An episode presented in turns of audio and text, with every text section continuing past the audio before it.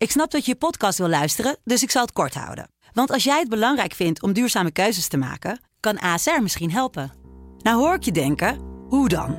Nou, bijvoorbeeld bij het duurzaam herstellen van schade. Of de premies die we beleggen volgens ons duurzaam beleggingsbeleid. Dat bepaalt waar we wel en juist niet in investeren.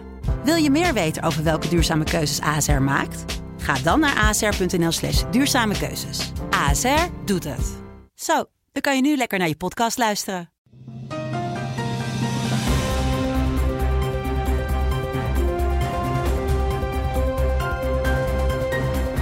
Dit is een podcast van de Telegraaf. In het land van Wierduk met Robert Ophorst. Uh, donderdag uh, 5 november alweer. Ja, ja. Moest, moest toch even nadenken. Mm -hmm. Hi Wiert, jij Hoi. bent uh, sinds dinsdag al op om de verkiezingen te volgen. Nou, bijna wel ja. Dat, uh, nou ja, we hebben een beetje gesla geslapen wel. Ben jij een beetje een, uh, een, een, een kiesmanteller en een swing state duider? Nee, op een gegeven moment dan hou ik daar echt wel mee op hoor. Dus dan uh, wacht ik wel tot die hardcore tellers, dat die dan met hun bevindingen komen. Het is echt niet te geloven hoeveel van die mensen je er hebt in Nederland. Hè? Die zijn ook allemaal actief op die sociale media. En die weten dan precies welke staten hoeveel kiesmannen oplevert en zo. Het lijkt wel uh, of het voor veel mensen eigenlijk ne eerder Nederlandse verkiezingen zijn dan uh, Amerikaanse verkiezingen. Dus um, ik meen het Rob, onze columnist Rob Hoogland het ook al schreef. Van Nederland heeft niet alleen 17 miljoen bondscoaches, maar ook 17 miljoen Amerika-deskundigen. Um, en het is ook wel zo. Uh, Waarvan de helft ongeveer op de loonlijst van de NPO uh, in Amerika zit. Waarvan, ja, nu ook allemaal in Amerika is. En uh, ja. ja. we gaan het er ook, zo nog wat, wat, wat ja. uitgebreider over hebben. Um, laten we even beginnen met iets heel anders. Want een paar weken geleden in deze podcast zei hij het volgende. Wie durft zich nog uit te spreken over de radicale islam als je daarmee je eigen veiligheid in gevaar brengt? Uh, dat was naar aanleiding van de onthoofding van uh, Samuel Paty ja. in Frankrijk. Maar inmiddels weten we dat in Nederland ook een leraar is ondergedoken. Het gaat om een docent van het Rotterdamse Emmaus College. Uh, die is ondergedoken na bedreigingen die hij kreeg om een spotprent. Het gaat dan om een cartoon van Joep Bertrams, ja. waarmee de, de, de, tekenaar vijf jaar geleden ook de Inktspotprijs won. Die tekening hing naar verluid ook al vijf jaar in de school. En er is bovendien helemaal geen profeet op afgebeeld. Uh, toch ontstond daar uh, commotie over nadat afgelopen maandag op allerlei scholen door heel het land aandacht is besteed aan de vrijheid van meningsuiting, juist naar aanleiding van uh, ja. wat er in Frankrijk is gebeurd. Inmiddels is ook duidelijk dat er een tweede incident is geweest op een school in Den Bosch. Dat brachten wij als Telegraaf ook vanochtend. in de Kamer is er van links tot rechts vol afschuw gereageerd. Ook onderwijsminister Slop heeft gereageerd. We staan vierkant achter deze leraar, zei hij. Wordt hier uh, lippendienst bewezen of staat de politiek echt pal voor de vrijheid van meningsuiting op onze scholen? Nou, dat is nog maar helemaal de vraag. Um, uh, het feit dat deze leraar moest onderduiken, dus dat hij zich zo onveilig voelt, uh, duidt daar niet op. Kijk, als je dus echt de rechtsstaat wilt verdedigen, dan ga je nu met z'n allen rond die leraar staan. Hè? Niet alleen zijn collega's, van wie een aantal heeft gezegd dat ze inmiddels bang zijn ook. Het zou fijner zijn als ze zouden zeggen: ja, we worden, dit is een poging tot intimidatie, maar we laten ons daar niet door. Uh, uh, we zijn er niet van onder de indruk en we gaan achter onze collega's staan. En zet maar gewoon een aantal. Uh, beveilig die school maar. Kijk, um, we zijn nu in het stadium aangekomen. Hè, dat is langzaam opgebouwd. En nu zijn we in het stadium aangekomen dat radicale moslims hun eisen die zij stellen en die overeenkomen met wat de sharia, de islamitische wet, hen leert, dat ze die eisen willen doordrukken in uh, omgevingen waarin zij voor een groot deel ofwel een, een belangrijke stem hebben, of uh, omgeving zoals een school waarvan zij denken dat die moet voldoen aan hun normen en waarden. Hè, dit zijn kennelijk vijf meisjes, moslima's, die hebben gezegd van dit accepteren wij niet. Ze hebben een foto gemaakt, dan is die foto is, uh, rond gaan zingen op uh, sociale media. En dat is een cruciaal moment, dat heb ik zelf ook gemerkt. Op het moment dat jij vanuit die kringen, kunnen trouwens ook links-extreme kringen zijn hoor, die, die passen dezelfde tactieken toe, uh, geframed wordt, bijvoorbeeld als islamofoob of als mm -hmm. racist. Hè. In dit geval zal de leraar worden geframed als islamofoob. En het gaat rondzingen op die fora waar dus heel veel uh, moslimjongeren actief op zijn, dan ben je enorm de klos. Want die gaan elkaar allemaal bevestigen in hun haat. de meest krankzinnige teksten worden dan over jou geschreven.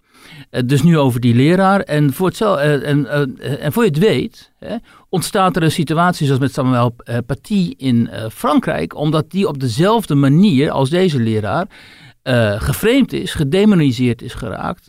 Ook met steun vanuit de islamitische beweging, ook officieel, hè, vanuit die moskee daar. Mhm. En uh, vervolgens staat er dus zo'n Tsjetsjeense jongen op en die onthoofdt die man. Ja. Nou, dit is, um, dus in plaats van dat uh, politici nu voor de zoveelste keer hun ontsteltenis en hun afschuw afspreken, moeten ze nu gaan zeggen: oké, en nu is het echt welletjes geweest. Hè? We accepteren dit niet, we schorsen sowieso die meiden die kinderen. We gaan al die fora natrekken. AIVD gaat al die fora natrekken. We gaan die fora sluiten. We gaan ehm, heel duidelijk ook in die kringen infiltreren. Dat gebeurt ook wel in Nederland hoor, moet ik zeggen. Ik sprak met uh, Beatrice de Graaf voor onze kranten. Die wezen nog eens op dat bijvoorbeeld in Arnhem de burgemeester Marcouch dat heel goed heeft gedaan. Overal waar uitreizigers zijn geweest naar Syrië of waar anderszins radicalisering optreedt, daar gaan ze toch wel echt bovenop zitten. Ja, Beatrice de Graaf, hoogleraar in Utrecht en terreurdeskundige. Precies, de duider des vaderlands op het moment dat er een terreuraanslag uh, is. Hè? Dus de, de, de diensten en dergelijke, mhm. die proberen wel iets, maar er moeten nu gewoon ook in wetgeving heel duidelijk grenzen worden gesteld hè, ehm, aan dit type uh, denken. Dus we moeten ook nog eens een keer weer gaan overdenken of we dat artikel dat de vrijheid van um, uh, dat het bijzondere onderwijs regelt. Hè. Dit is niet een islamitische school nee, of zo. Dit is een katholieke school. Een katholieke school. Even terug naar die school, want dan is de wijkagent, schreef NRC, die uh, met dat nieuws kwam over uh, het Rotterdamse college, die is de hele dag op school geweest om de verbinding te zoeken, zoals dat dan heet. En de rector laat weten dat er uiteraard aangifte is gedaan van bedreiging, maar dat de school ook een zorgteam klaar heeft staan. Ja. En dan zegt hij, samen moeten we ervoor zorgen dat we in verdraagzaamheid met elkaar in gesprek blijven. Nou, dat lijkt me op zich vanuit zo'n school een logische reactie als het om je eigen leerlingen gaat, die natuurlijk ook minderjarig zijn. Maar ben je er dan, dan ben je er dus niet. Want buiten zo'n school gebeurt er ook van alles. Onder andere dus als zo'n foto op Instagram wordt gezet. Uh, ja, dat kijk, eh, nog even wat ik wilde zeggen is het artikel wat dus bijzonder onderwijs regelt, wat dus ook het islamitische onderwijs regelt, dat moeten we aangepassen omdat blijkt dat op die islamitische scholen, in die islamitische omgevingen, dit type haat wordt uh, gekweekt.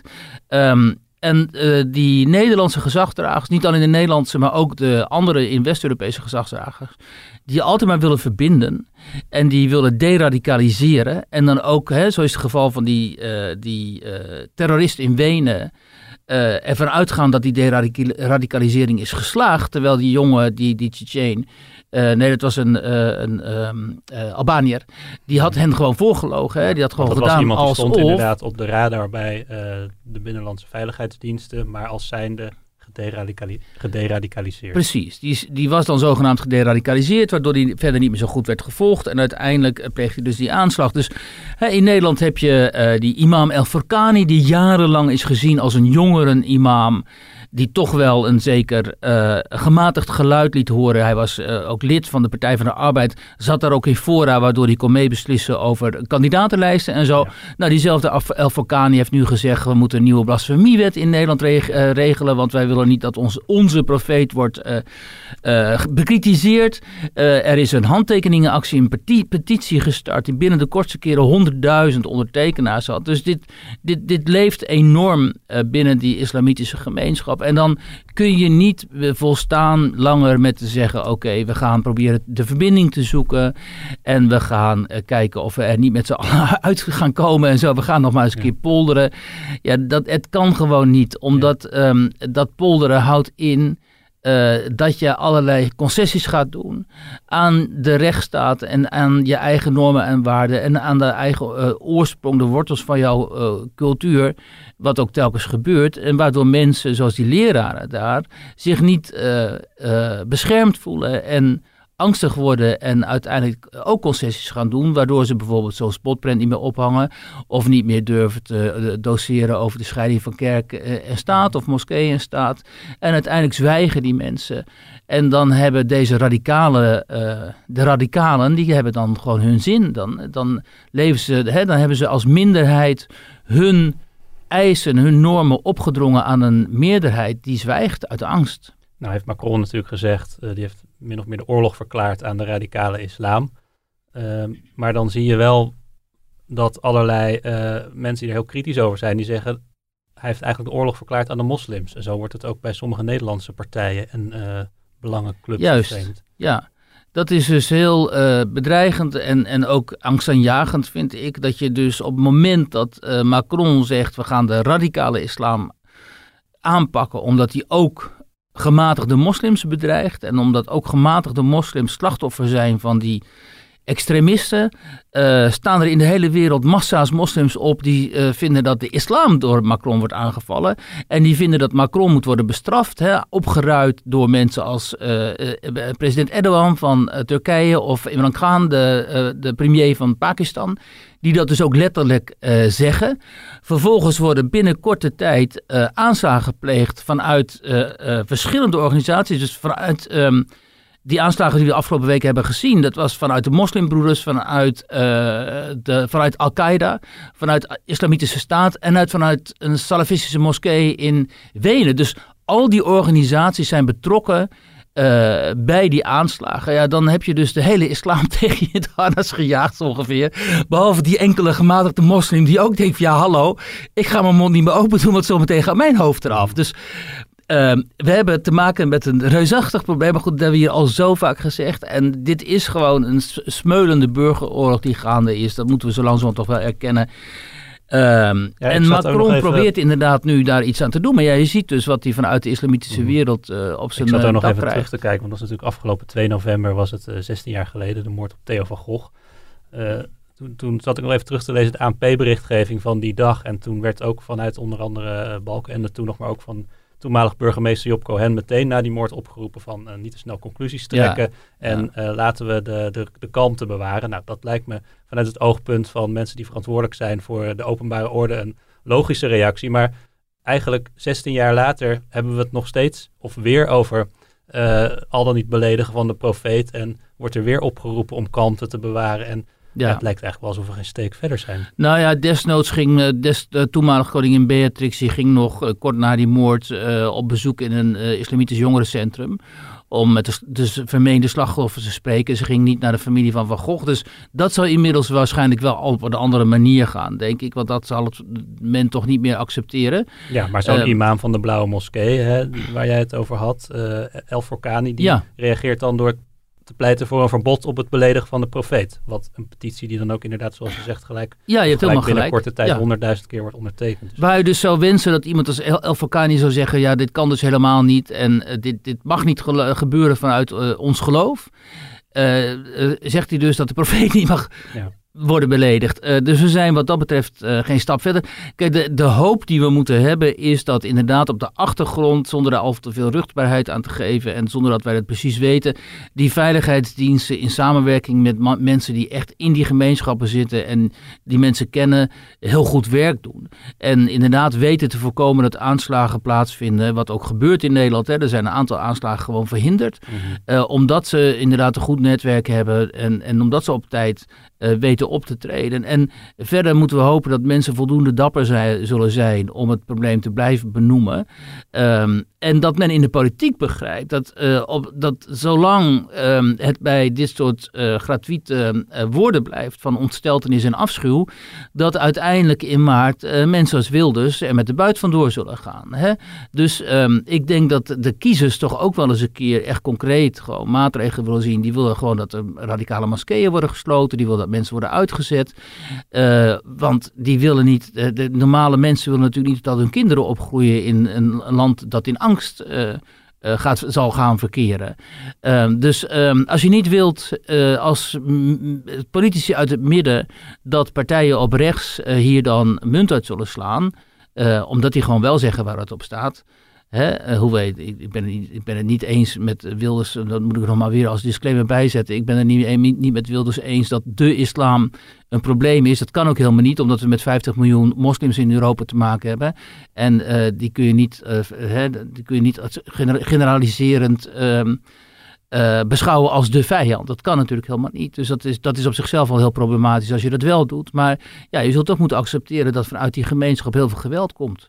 En dan moet je hoe dan ook uh, de strijd mee aangaan. Ja, en wat denkt uh, Beatrice de Graaf? Hoe dit de komende tijd verder gaat?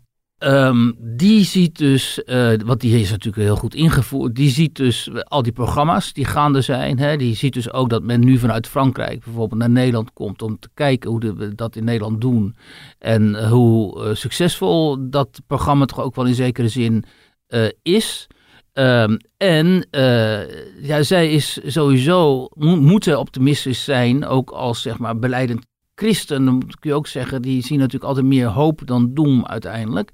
Dus zij ziet ook wel hoopvolle uh, ontwikkelingen en uh, ook met mensen vanuit die islamitische gemeenschap die uiteindelijk uh, zich zodanig emanciperen dat ze die democratische rechtsstaat gewoon wel omhelzen. Maar aan de andere kant um, ziet zij heel goed het probleem. Uh, het is niet zo, hè, want zij wordt vaak gezien of ze wordt vaak bekritiseerd als iemand die de boel die de dreiging van de radicale islam zou relativeren en die dreiging vanuit extreem rechts zou overdrijven. En eh, van haar wordt ook wel gezegd dat ze een islamknuffelaar zou zijn. Nou, dat wil ze wel heel sterk weerspreken, want dat ze zeggen dat ben ik helemaal niet. En het is ook heel kwalijk dat dat frame is ontstaan. Ik wil gewoon als wetenschapper mij houden aan de feiten en ik bekleed een positie in het midden en daar wil ik ook blijven. En ik wil niet door mensen ofwel in, in het linkerkamp of in het um, islamitische kamp worden gedrukt, want daar hoor ik helemaal niet. Wat merkt ze daar verder van? Dat nou ja, heel veel. Want ze krijgt dus. Uh, uh, kijk, ze is nu sinds een aantal weken actief op Twitter. Nou, dat was in, aanvankelijk was het leuk. En toen begon het de scheldkantonades natuurlijk. En als je dat voor het eerst meemaakt, dan schrik je je dood natuurlijk. Dan denk je, waar komt dit in Oh, jij altijd alleen maar complimenten krijgt op jouw Twitter. Ja, precies. Ik herinner me nog toen ik jaren geleden voor het eerst ook zo uitgescholden begon te worden. Dan dacht ik ook van, wow, dat dit bestaat. En waar komt dit vandaan? En waarom hebben die mensen zoveel haat in zich? En daar wordt zij nu mee geconfronteerd. Dus zij schrikt natuurlijk ook. Mhm. En zij denkt ook aan haar uh, uh, reputatie en veiligheid natuurlijk. Ze denkt ook van, ja, maar als dit is wat in sommige kringen over mij wordt gedacht. En uh, als dit uh, zeg maar de emoties zijn die ik in sommige kringen oproep, um, dat, en die zijn niet terecht, want dat, uh, daar is helemaal geen aanleiding voor, dan is het toch wel bedenkelijk. Dat, dan zegt het ook wat een en ander over de polarisatie in de samenleving natuurlijk. Goed, daar heb ik met haar over gesproken en zegt ze allemaal verstandige dingen over. maar het is zo, het is ontzettend ingewikkeld om in deze tijd, um, zeg maar, vertegenwoordiger te zijn van het redelijke midden. Hè? Omdat uh, je wordt bijna overspoeld door de, door de, uh, extreme uh, emoties vanuit zowel aan de ene kant de rechterkant als vanuit de andere kant de linkerkant. In het kader van de Amerikaanse verkiezingen is wel interessant. iemand, Ben Coates, die Brit die ik ook wel eens geïnterviewd heb voor de krant, ook die in Nederland leeft en over Nederland schrijft voor Anglo-Saxische media.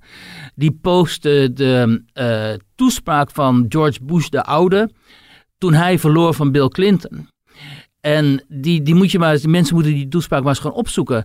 De gratie van die man en de elegantie van de manier waarop hij zijn verlies toegeeft. En waarop hij zegt van de, hè, het democratische systeem, ons majestueuze democratische systeem heeft vandaag gewonnen. Ik erken mijn verlies en Bill Clinton heeft een fantastische campagne gevoerd. En we zullen er alles aan doen om samen met zijn team de transitie in het Witte Huis te bewerkstelligen. En ik wens hem heel veel succes. En nu stellen we ons met z'n allen op achter de nieuwe president en zo. Ja, je ziet dat en het is nog niet eens zo vreselijk lang geleden. En ik denk, hoe is het mogelijk? Wat is er gebeurd in dat land? En, en wat daar gebeurt is die complete degeneratie van het politieke en publieke debat. En ook van de, van de maatschappij als, als in, in, in heel veel opzichten. Kijk, natuurlijk niet de hele samenleving, maar een heel groot deel van de samenleving. Precies dat maken wij hiermee in Nederland. En als je dan wilt, hè, als je dan een democraat bent, en dat is Beatrice Graaf natuurlijk ook, en anderen zijn het ook, en je wilt dat debat voeren met andersdenkenden, uh, en dat lukt niet omdat ze onmiddellijk van jou zeggen dat je hun vijand bent. Uh, ja, zover zijn we nu gekomen. En binnen dat klimaat binnen precies dat klimaat uh, vinden ook incidenten plaats, zoals daar in Rotterdam en kennelijk in Den Bosch, omdat het allemaal vanuit haat komt. En dat is echt zo'n ontluisterende en deprimerende analyse. En ook leerlingen die dus meteen denken, uh, mijn leraar is tegen mij als moslim. Omdat die leerlingen opgroeien in een milieu waar die haat uh, wordt uh, gepropageerd. Omdat dat, dat, en dat moeten wij niet ontkennen. Binnen dat soort islamistische milieus wordt de ongelovige gewoon als de vijand gezien. Hè? Je bent die, die, die, die kafir, die ongelovige, die ofwel moet worden bekeerd ofwel moet worden gedood. En in hun ogen is die leraar die dus zo'n spotprint daar ophangt, is een van hun vijanden. En die moet dus, uh, hè, dan zijn ze kennelijk al behoorlijk succesvol in, in, geweest, die moet dus in ieder geval de mond worden gesnoerd. Ja, zover zijn we dus uh, gekomen dan in Nederland. Dat is heel ernstig. Laten we het hebben over Amerika. Billen knijpen, peentjes zweten, nagelbijten. Nou, de superlatieve... Bloedstollend. bloedstollend. De superlatieven vlogen ons weer om de oren. Maar goed, het, het was en is ook spannend. Waar de race tussen Biden en Trump uh, in de VS, waar de race nog altijd niet is gelopen. Althans op het moment dat we dit opnemen. En het lijkt er in ieder geval op dat uh, de stembusstrijd verandert in een uh, juridische loopgravenoorlog. Nou, op verkiezingsnacht uh, gaf Trump al een toespraak, uh, of verkiezingsavond, waarop hij de winst uh, opeiste en hij sprak van fraude. Dat was zelfs volgens Fox News, dat Trump toch altijd wel goed gezind is.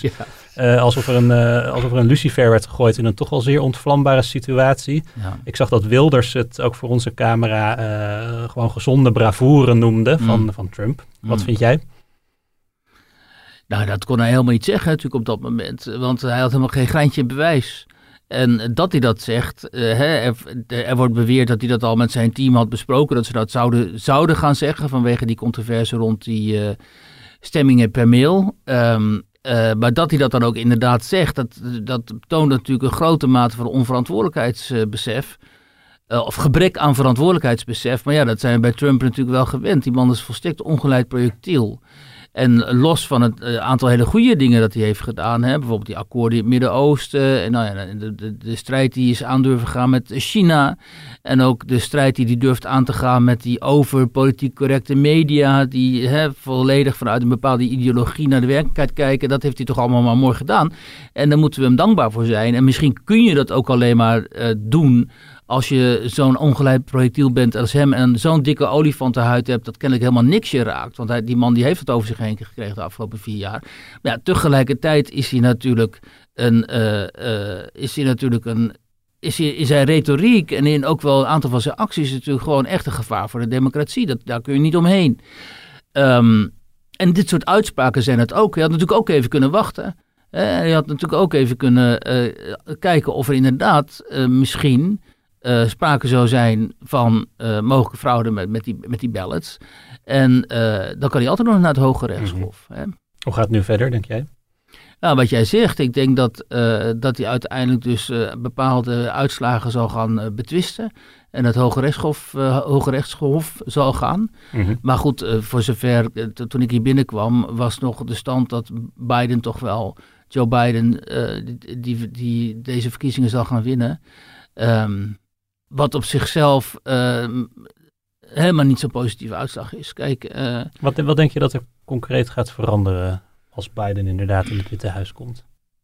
Nou ja, ik, ik vrees dus dat er in de internationale politiek, geopolitiek van alles gaat veranderen. Dus dat de positie ten opzichte van Iran weer zal worden, ik, ik las ergens milder zal worden. Ik heb het niet gefactcheckt, maar dat Biden in zijn lange politieke carrière zo'n beetje alle buitenlandse invasies heeft gesteund. Ja, dus uh, dat ook. Hè. Misschien gaan ze wel weer ergens proberen om democratie te brengen met de wapens, wat een heel slecht idee is.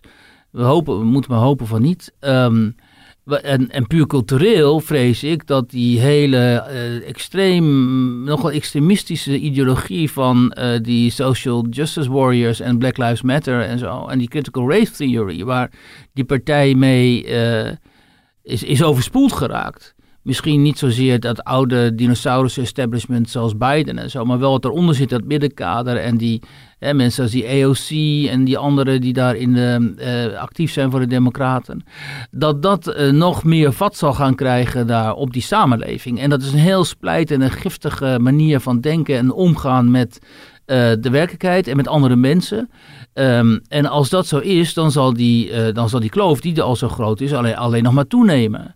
Uh, maar goed, voor hetzelfde geld, als Trump zou winnen of uh, zou hebben gewonnen, dan was die kloof ook alleen nog maar toegenomen natuurlijk. Omdat die twee kampen uh, op dit moment eigenlijk het liefst ehm, helemaal niet met elkaar praten. En het liefst elkaar zouden vermoorden, geloof ik. Dus wat, wat ik eerder al zei, zover is het daar dus gekomen. Maar ik denk niet dat iemand als Biden nou in staat is om een hele verbindende rol te kunnen spelen of zo. Ook niet gezien hè, met wie die meebrengt, die Kamala Harris als, uh, als vicepresident dan.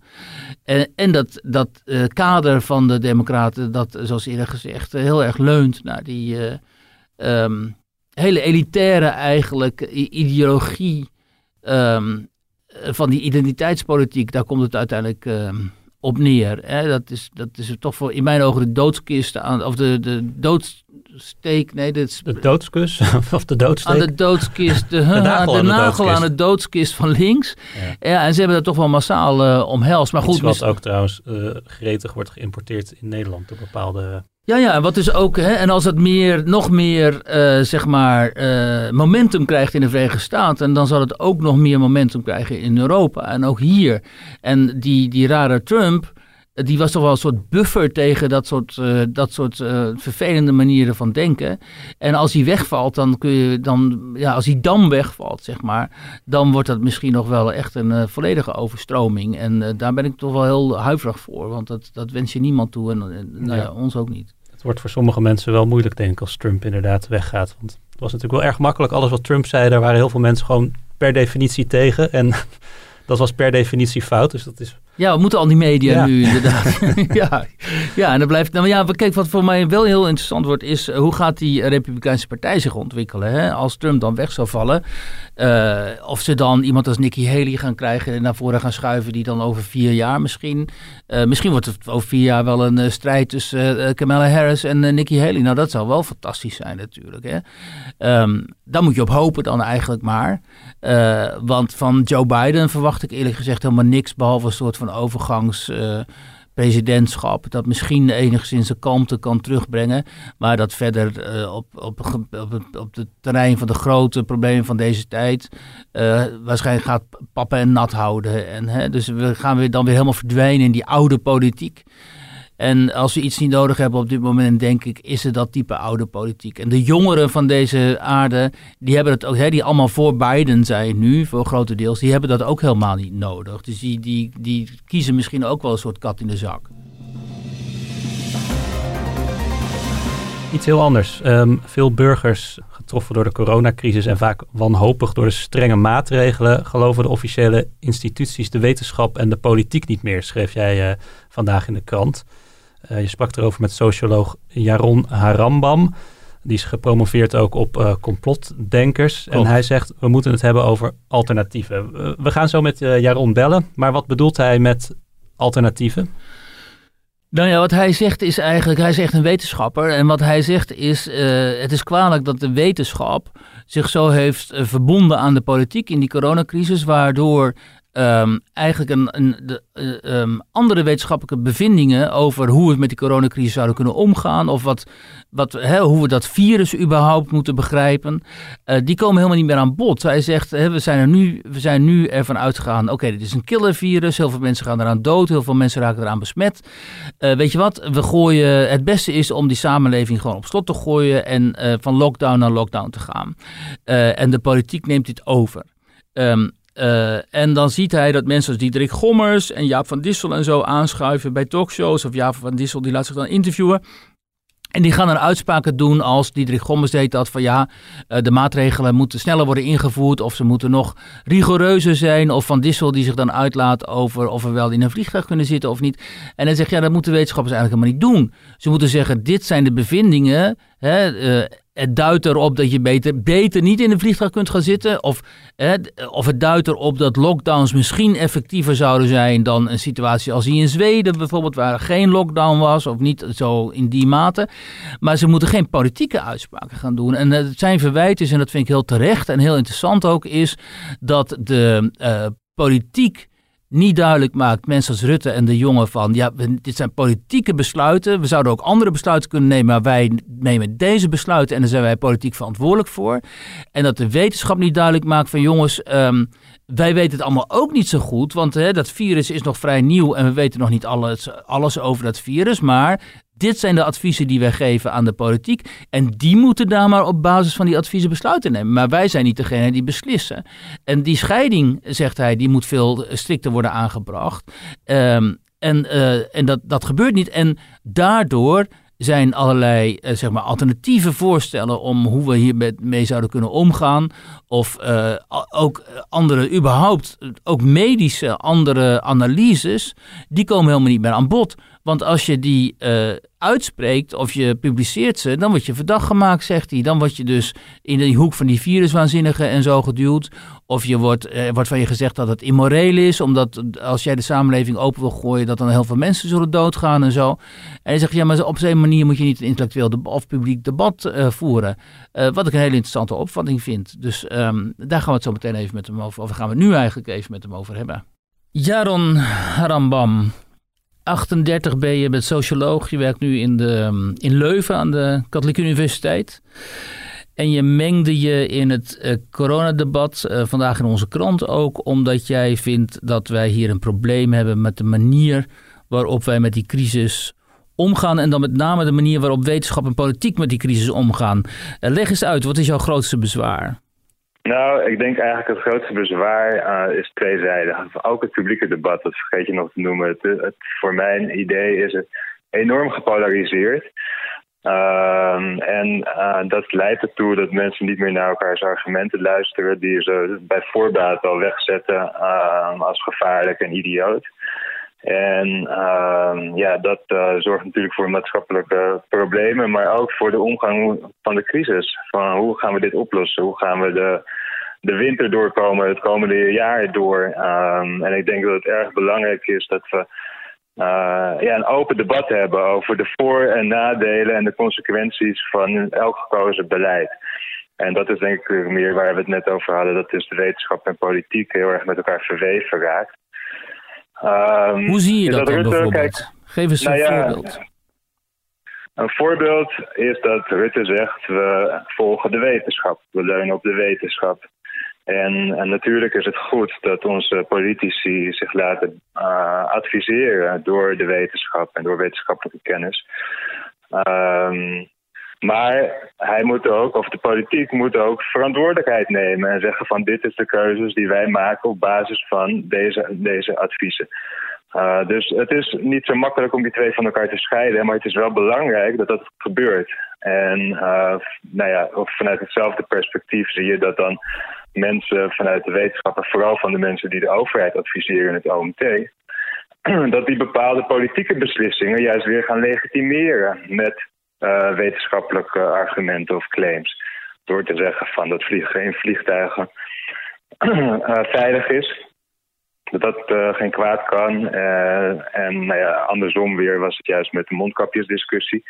Dat de politiek beslist van we doen wel mondkapjes, we adviseren sterk. En dan is het goed als, uh, denk ik, dus dat is weer een voorbeeld van wanneer het wel goed gebeurt. Maar dat werd hij heel erg op bekritiseerd. Uh, als Jaap van Dissel dan zegt van nou, volgens de wetenschap heeft het niet zoveel zin. Dus ik denk dat, dat ze, die twee dingen goed uit elkaar getrokken moeten worden. Um, ook net zoals bijvoorbeeld hoe de overheid, de regering uh, onder druk, maatschappelijke druk, besloten scholen te sluiten in maart. Het RIVM dat zei dat het niet noodzakelijk is of nodig is of het niet adviseert. Jij, jij beweert in ehm. feite dat hier, doordat de situatie op deze manier is ontstaan, dat eigenlijk alternatieve ideeën voor de omgang met die crisis niet meer aan de orde kunnen komen, omdat die dan uh, snel verdacht worden gemaakt. En je wijst met name op de Tweede Kamer. Jij zegt het is toch wel vreemd dat vooral in de Tweede Kamer uh, nauwelijks alternatieve scenario's worden ontwikkeld. Nou ja, kijk, het probleem, dat is dus een ander iets, dat er vanuit de politiek wordt gezegd er is maar één weg. Er is één mogelijkheid. We hebben één keuze. En dat is lockdown.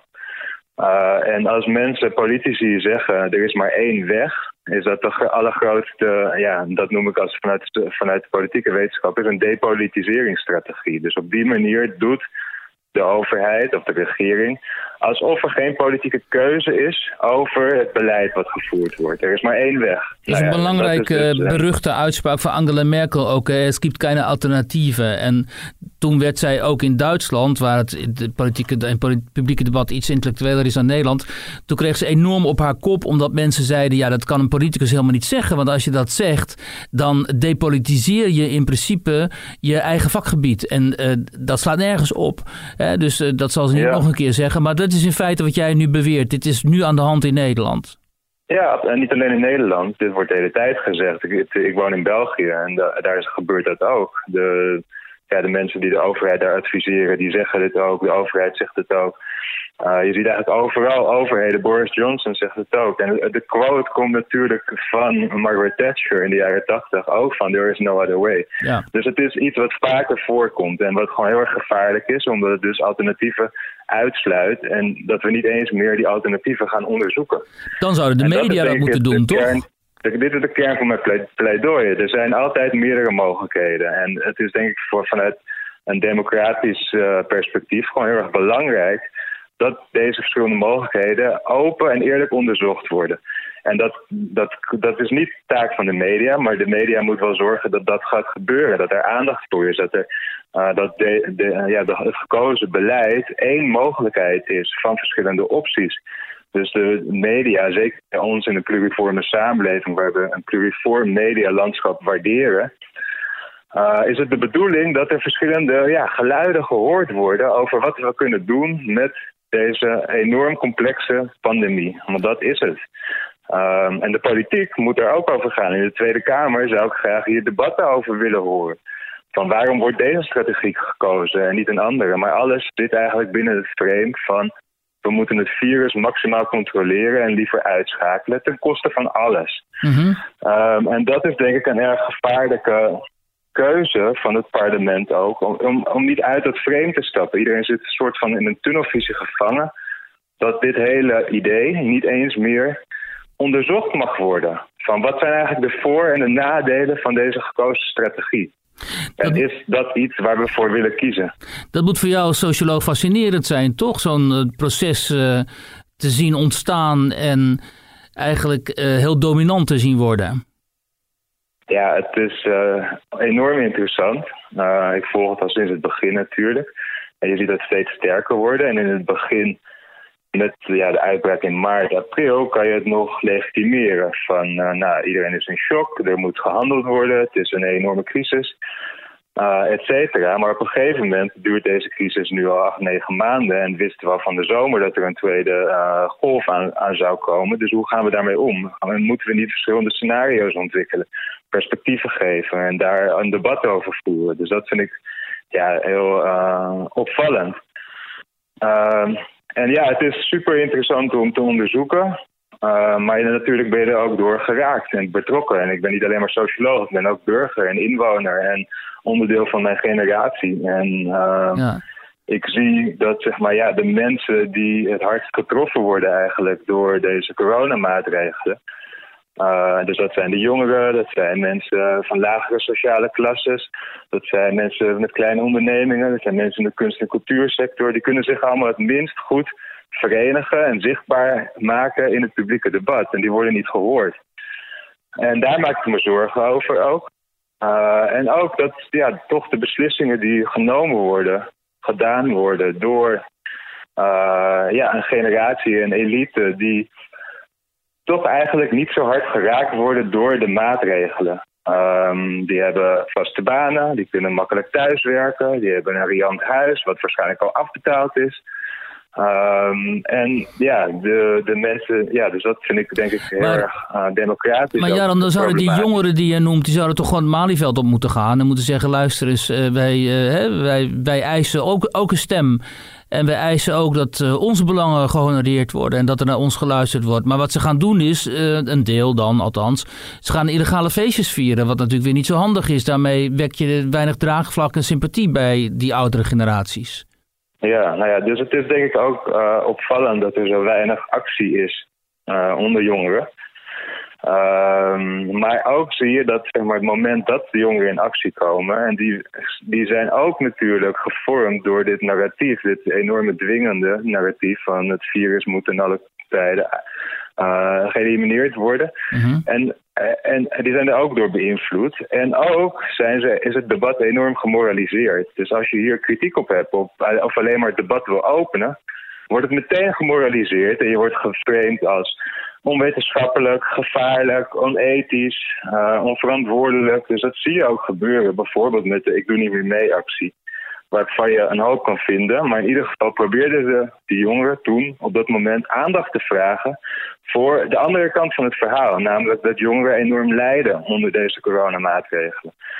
Um, en dat wordt dan selectief ja, heel erg geframed als gevaarlijke, onverantwoordelijke uh, jongeren die door Willem Engel ge, geïndoctrineerd zijn geraakt. Ja, ja wat je vooral ook zag, hè, een klassieke Nederlandse reactie was dat uh, een van die woordvoerders dan, Femke Louise, onmiddellijk werd uitgenodigd toch aan een talkshowtafel om belachelijk te worden gemaakt. En uiteindelijk ging ze aan diezelfde tafel nog overstag, geloof ik, naar het andere kamp. Um, dat is ook dan een klassiek, dat is dan de polder op zijn in zijn meest extreme vorm natuurlijk, wat je daar aan die tafel zag gebeuren.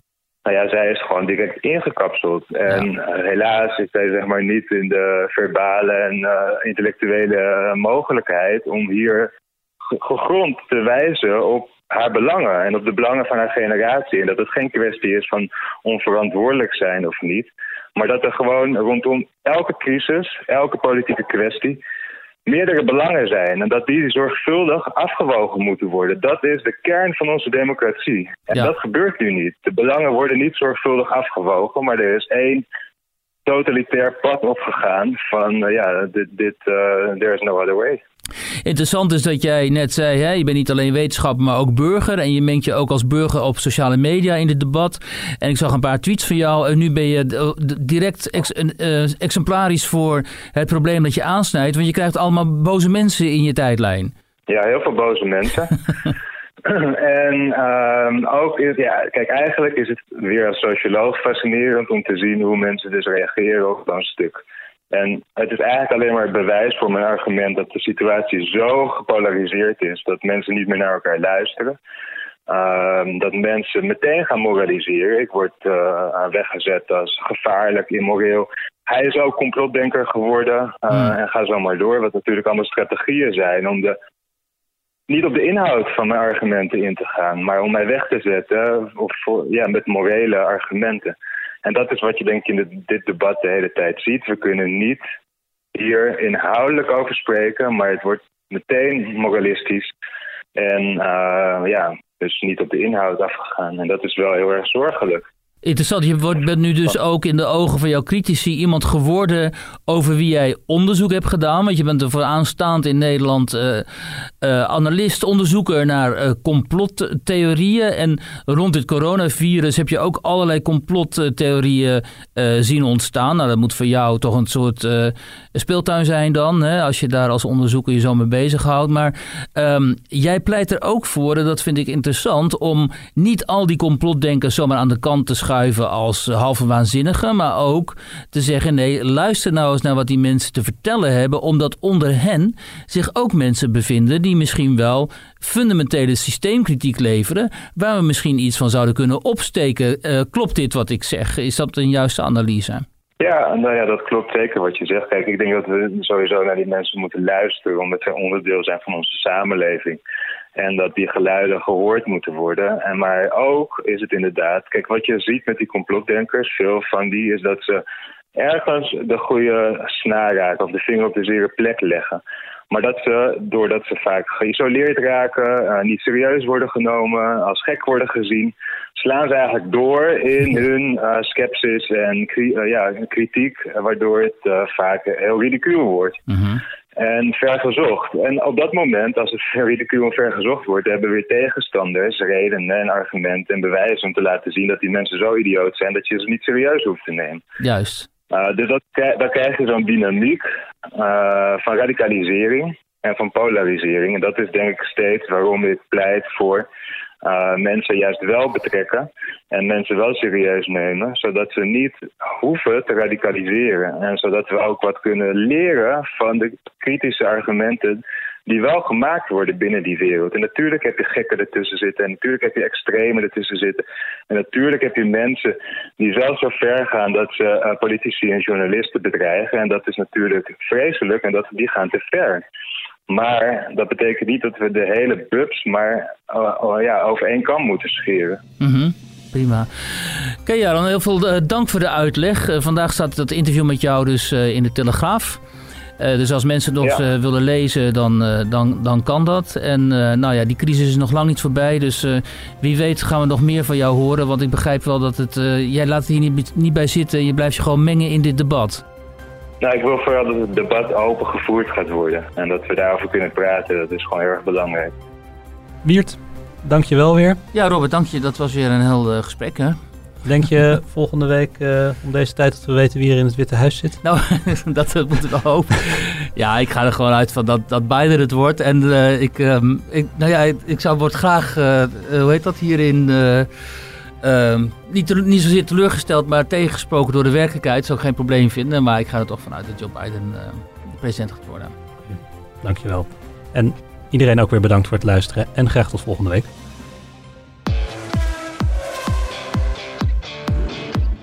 Meer podcast luisteren? Probeer dan ook eens de Formule 1-podcast van de Telegraaf. Kom op, let's go. We gaan beginnen. Erik van Haren en Christian Albers praten je elke maandag na de Grand Prix bij over de belangrijkste ontwikkelingen in de Formule 1. Formule 1 is saai. Ja, ik vond het bijvoorbeeld dit weekend absoluut geen saaie race. Na afloop het ongeloof op de gezichten van de Mercedes-coureurs, Lewis Hamilton en Valtteri Bottas, toen ze naar hun eigen banden keken en die vergeleken met de staat van de banden van Verstappen. Met scherpe analyses van oud Formule 1-coureur Christian Albers. Tuurlijk, ik was niet zo succesvol als Max Verstappen. Laten we dat eerlijk zijn. En het laatste nieuws door Erik van Haren, de Formule 1-volger van de Telegraaf. Je hoort veel geroeptoeten langs de zijlijn van ja, Max moet weg. En dan denk ik van ja, dat is allemaal makkelijk praten, maar hij zit bij het ene beste team. En bij het beste team is geen stoeltje beschikbaar. Luister dus op de site en in de app van de Telegraaf of via je eigen favoriete podcastplayer.